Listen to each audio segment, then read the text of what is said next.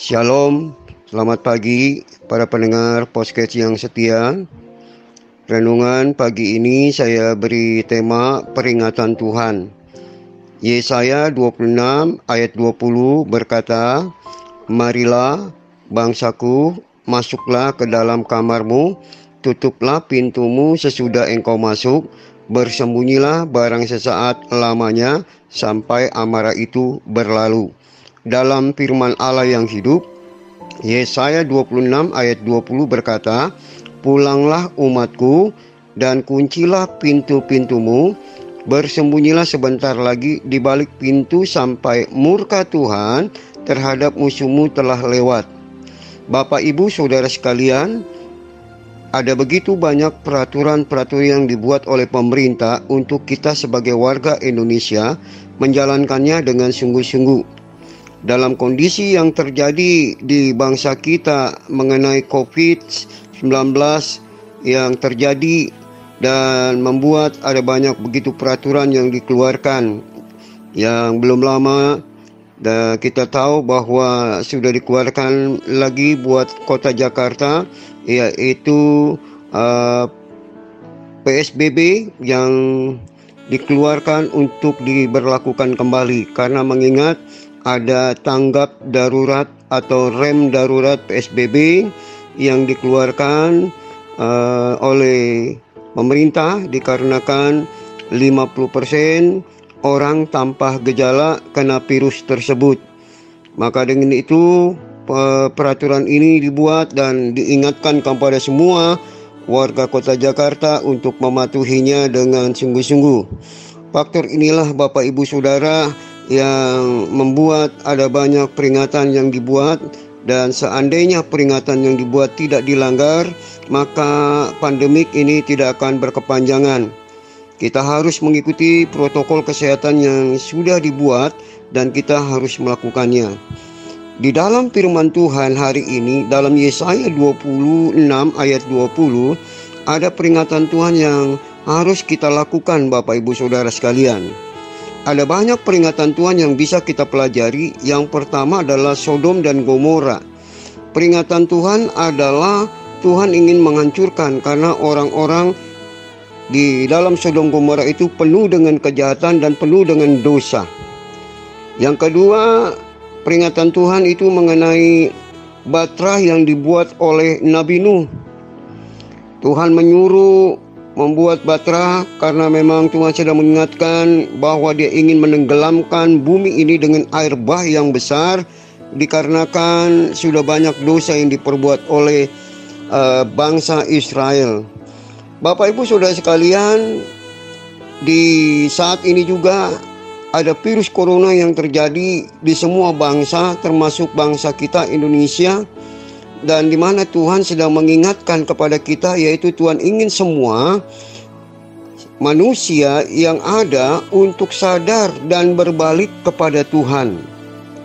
Di dalam firman Allah yang hidup Yesaya 26 ayat 9b, apabila engkau datang menghakimi bumi untuk menghukumnya, barulah penduduk dunia akan meninggalkan kejahatannya dan melakukan yang benar.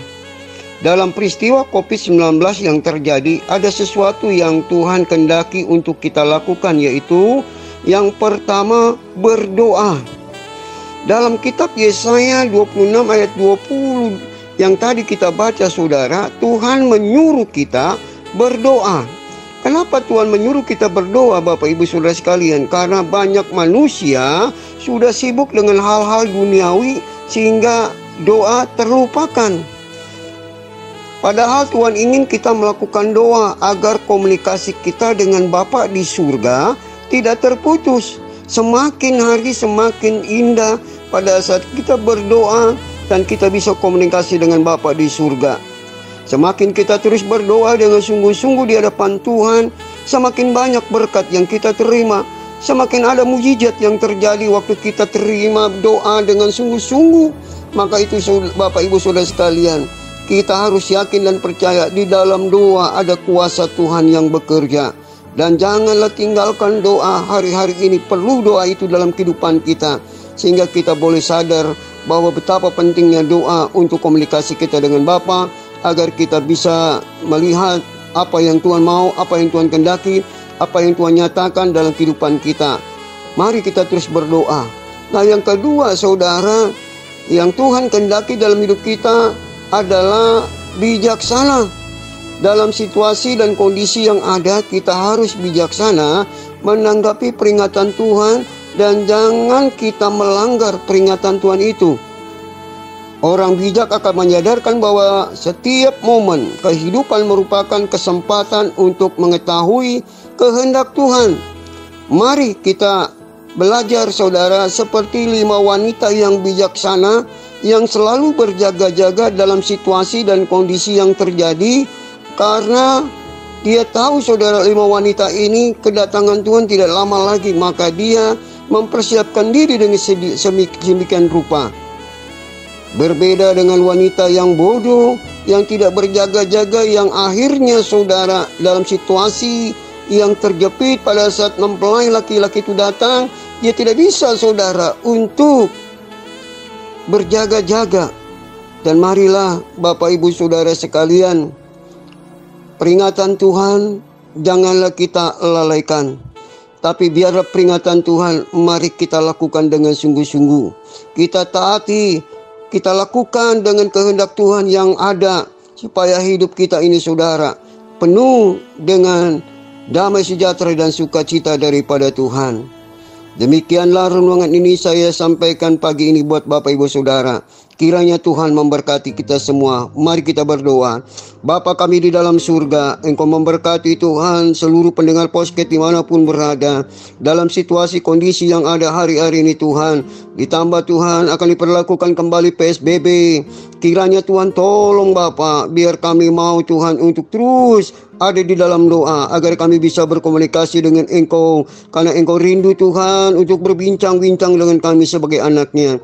Terima kasih Tuhan di dalam nama Yesus hamba sudah berdoa dan mengucap syukur. Haleluya. Amin. Terima kasih saudara sudah bergabung bersama keluarga besar GSA Yesus Kristus. Sampai jumpa, Tuhan memberkati.